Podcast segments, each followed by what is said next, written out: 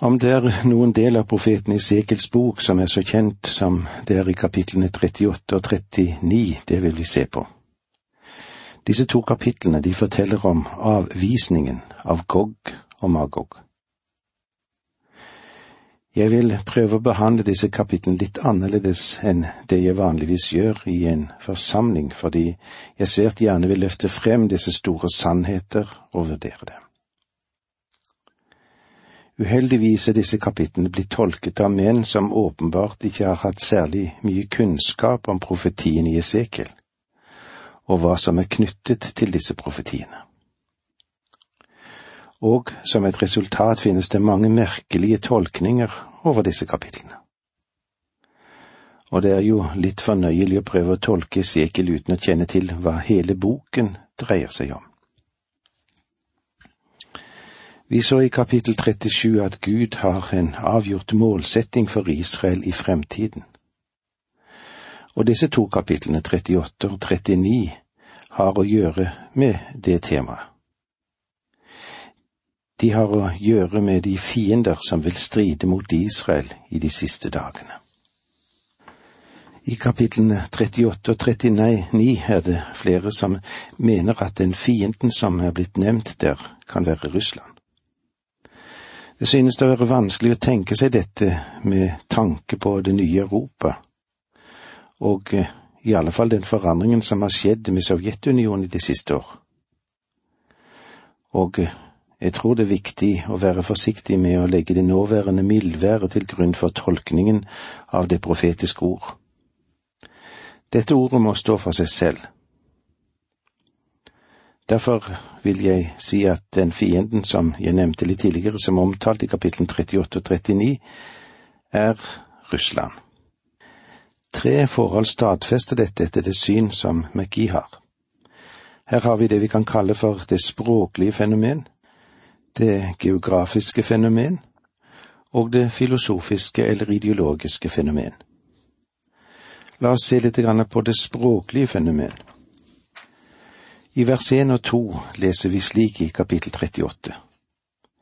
Herrens ord kom til meg, og det lød så. Menneske, vend deg mot Gog i Magogland, storfyrsten over Meshek og Tubal. Tal profetord mot ham. Gog er et ord for hersker. Det betyr tak, som det faktisk betyr mannen på toppen. Jeg kan ikke tenke meg et bedre navn for en diktator enn Gog. Om han ikke er på toppen, så er han ikke diktator, om han er på toppen, så er han en diktator. Magog betyr hode. Det hebraiske navnet er Rosh, som betyr hode. Den store hebraiske vitenskapsmannen, Gesenius, antyder at ordet Rosh skulle være Russland. Han antyder også at den eneste henvisningen til en moderne nasjon i hele Det gamle testamentet er denne. Og det er jo litt overraskende.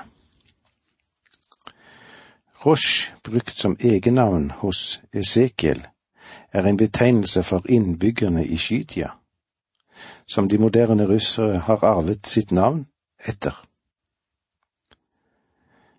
Du forstår at Russland ble først kalt for Muskovi som er en avledning av Mesjek. Ivan den fjerde tsar av Russland, som ble kalt Ivan den grusomme, kom på muskovittenes trone i 1533.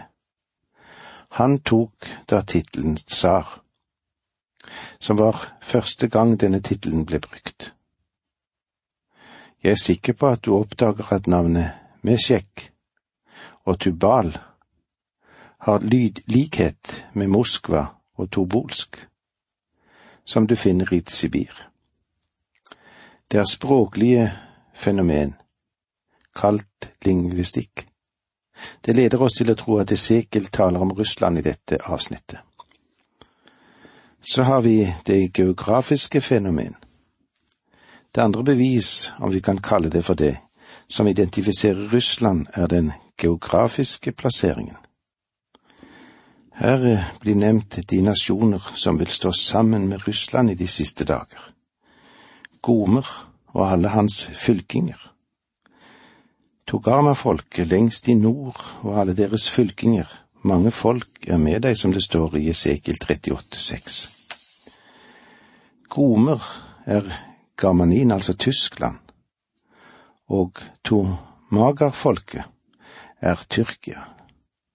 Lengst i nord gir oss den geografiske plassering. Og igjen leser vi i vers 15 å komme fra ditt land i det ytterste nord. Og i kapittel 39 vers 2 får vi den samme henvisning. Jeg henter deg fra landet lengst i nord og leder deg mot Israels fjell. Hvis du ser på et kart, så vil du se at Russland ligger direkte nord og nordøst for Israel. Når du begynner å gå nordover fra Israel, så ender du opp i Russland, og når du går gjennom Russland, havner du blant isfjellene. De retningsangivelser du finner i Bibelen, står i forhold til Israel. I Bibelen er nord nord for landet Israel, og syd er syd for Israels land. Vest er vest for Israel, og øst er øst for Israel. Med andre ord så er Israel et geografisk senter på jorden sett i forhold til Guds ord. Og så har vi de filosofiske fenomenene, da. Til sist så kommer vi til det filosofiske og ideologiske fenomen som hjelper oss til, å identifisere Gog og Magog med Russland. Vi leser i vers tre i Esekiel 38.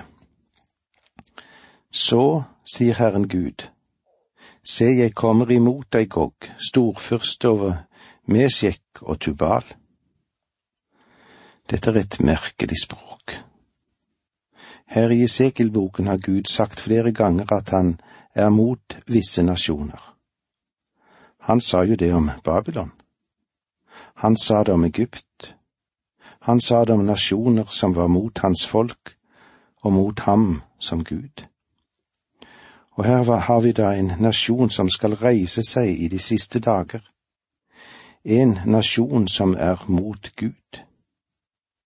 Hovedsaken til at vi vet at det den står imot Gud, er fordi Gud sier, Jeg står mot deg. Dette skiller den fra andre folkeslag, for Gud har sagt det om de nasjoner som allerede eksisterer, og som har markert fiendskapet til Gud, og avstandstagen fra ham. Men denne nasjonen eksisterte ikke da Hesekiel ga sin profeti og likevel sier Gud at han står imot den. Du og jeg har sett noe som tidligere generasjoner ikke har sett. Vi har sett et folk reise seg der den grunnleggende filosofien har vært ateisme. Den politiske økonomi i Sovjet hvilte på forutsetningen av at det var ingen Gud. Det var i utgangspunktet ateistisk. Ingen andre folkeslag har vært dominert av ateisme som politisk ideologi. Er du klar over at Gud til å begynne med ikke ga noe bud angående ateisme? Men de to første budene rettet mot politisme. Du skal ikke ha andre guder enn meg. Og du skal ikke lage deg noe gudebilde, eller noe slags bilde av det som er oppe i himmelen eller det som er nede på jorden, eller i vannet, eller under jorden. Dette kan du se i annen Mosebok i det tyvende kapitlet. Så du merker klart at dette er bud mot politisme, men det er ingen ateisme. Når du kommer frem til Davids tid, så begynner ateismen å dukke opp. I Salme 14,1 leser vi Dåren sier i sitt hjerte det finnes ingen Gud. Stalin sa en gang vi har utradert tsartveldet fra jorden, og vi skal nå rive ned Herren fra himmelen. Hvor mye av denne mentalitet vil fremdeles ligge igjen etter at dette diktatoriske veldet nå har falt? Hvilke muligheter har det til å oppstå på nytt? Det vil historien vise, og det vil være spennende å følge utviklingen i dette veldige landområdet fortsatt på bakgrunn av de profetiske ord. Så jeg vil fastholde selv hvor urimelig det høres ut i øyeblikket, at Gog og Magog kan identifiseres med Russland ut fra de trefoldige bevisførslene. Det språklige fenomen, det geografiske fenomen og det filosofiske eller ideologiske fenomen. Dette var de ting, og kanskje vanskelige ting, som vi stoppet opp med i dette kapitlet. Når vi går inn i kapittel 39, så vil vi se videre hva vi får se gjennom disse kapitlene i profeten Esekiel. Takk for nå, må Gud være med deg. Dette undervisningsprogrammet består av to deler. Åge Nevland fortsetter nå med andre del av dagens undervisning.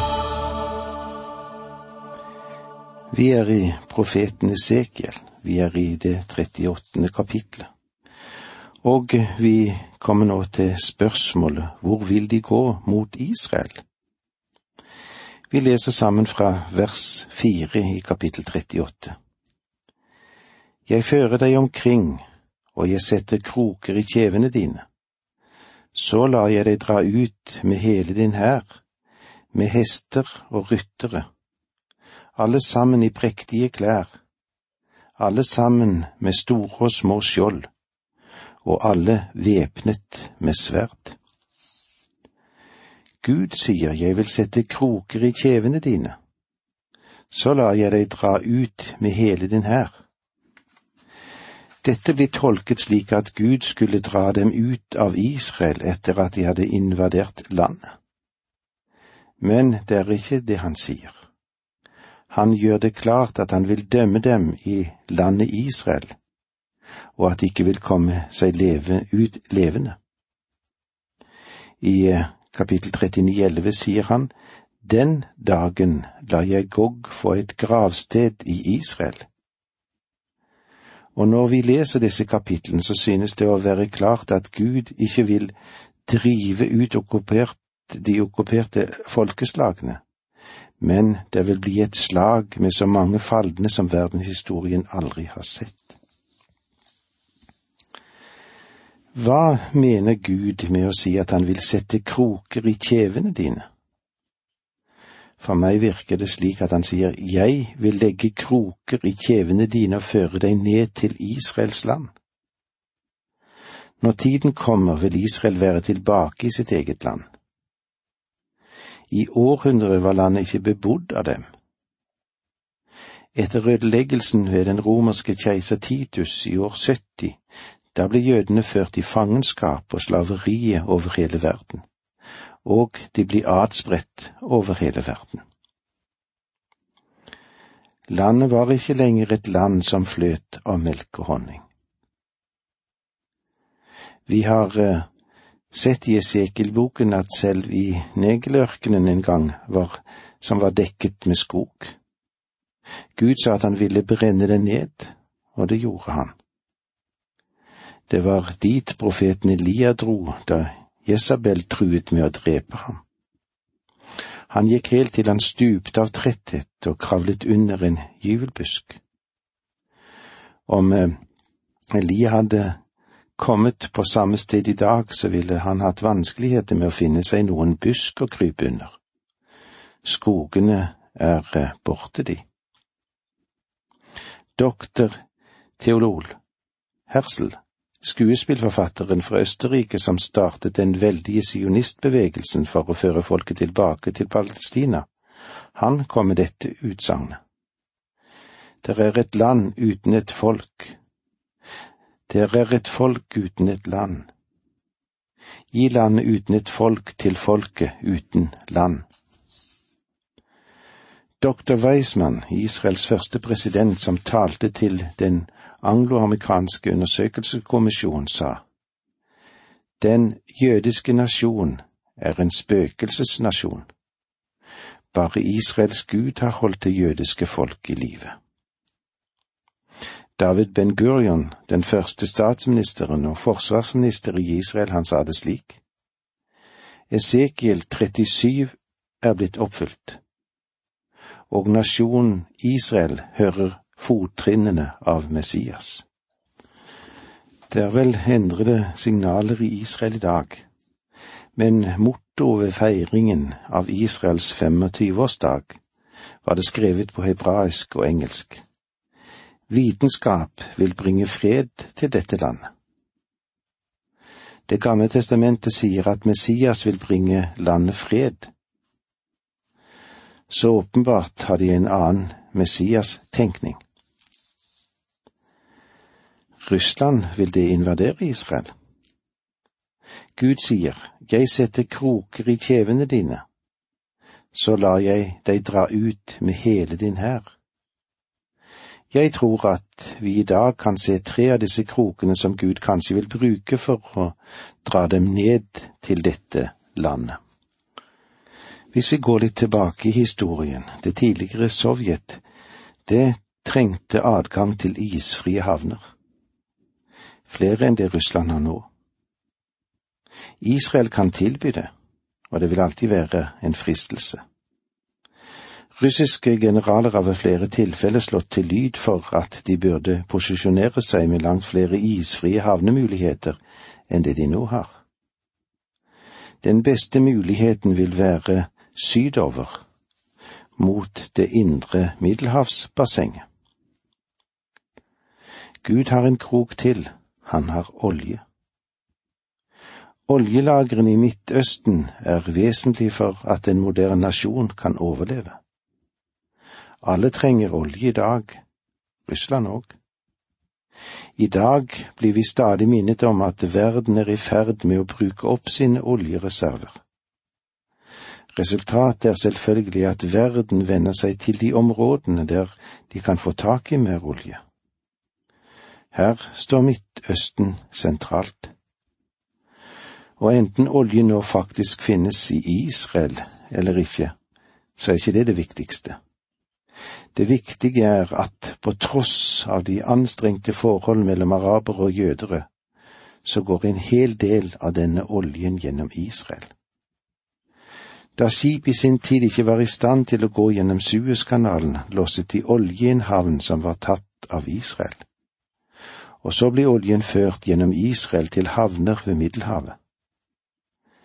Det er en ganske god krok Gud har i Russlands kjever når det gjelder olje. Den tredje kroken angår Dødehavet. Mineralforekomstene er så store at ingen har tort å anslå verdien av dem på dagens marked. Kjemikalier i vannforekomstene representerer utrolige verdier, og det gjøres store anstrengelser i dag for å hente verdier fra Dødehavet. Hadde du vært til stede, la oss si for fem millioner år siden, og sett Herren forme jorden, og særlig Dødehavet, så ville du kanskje ha spurt ham, hvorfor demmer du opp dette havet? Det blir en fryktelig salt historie. Da ville han kanskje ha svart, jeg former en krok, og kanskje du igjen ville ha spurt, former en krok til hva? Da ville Herren ha sagt, om noen få millioner år vil det være et folkeslag i nord som jeg skal drive ned mot Israel. Jeg holder nettopp på å forme en av krokene som skal festes i dette folks kjever. Kanskje jeg er litt for tidlig ute, men det er best å ha det gjort. Det er det Gud har gjort. Han har formet en krok om du hadde vært til for noen millioner år siden og hadde sett Herren forme jorden, spesielt Dødehavet, så ville du kanskje ha spurt ham, hvorfor demmer du opp havet? Det må bli fryktelig salt. Da ville han ha svart ja, jeg holder på å sette agn på en krok, og du ville ha svart agner du en krok? Hva er hensikten med det? Da ville Herren ha sagt, om noen få millioner år vil det være et folk som bor i nord, som jeg vil føre inn i Israels land. og nå setter jeg bare på en beitemark på kroken en stund på forhånd. Og det er nettopp det Gud har gjort, han har agnet kroken. Spørsmålet som vi kan stille oss er kanskje dette. Når vil Russland dra ned dit? Og her er det nok mange forskjellige meninger blant de som har tolket Bibelen. Det er de som tror at Russland vil okkupere Palestina i slutten av denne tidsalder, før menigheten blir rykket bort. Andre tror at Russland vil dra mot Israel ved begynnelsen av trengselstiden, og andre tror at det vil være ved slutten av den store trengsel. Atter andre tror dette vil finne sted i begynnelsen av tusenårsriket. Jeg vil ikke drøfte hver av disse mulige løsninger i detalj. Det særlige synspunkt som vi setter opp her, er dette. Russland vil dra mot Israel i de siste dager. Disse siste dager som vi har sett når vi har gått gjennom de øvrige profeter. Dette er tiden når Antikrist kommer til makten, og han kommer til å herske på bakgrunn av en fredstraktat. Derfor vil det være en falsk fred den første del av trengselstiden. Men så, midt i syvårsperioden, vil Russland komme sydover inn i Israel. Russland vil representere startskuddet for den store trengsel ved å bryte den falske fred som ble sluttet av Antikrist og okkuperer Israel. Det er vanskelig saker som vi er innom nå, men eh, la oss stoppe opp for dette og la oss be Gud gi oss innsyn og klare tanker og handlinger ut ifra det vi stopper opp for i Esekiel kapittel 38. Det var så langt vi kom i dag. Takk for nå, må Gud være med deg.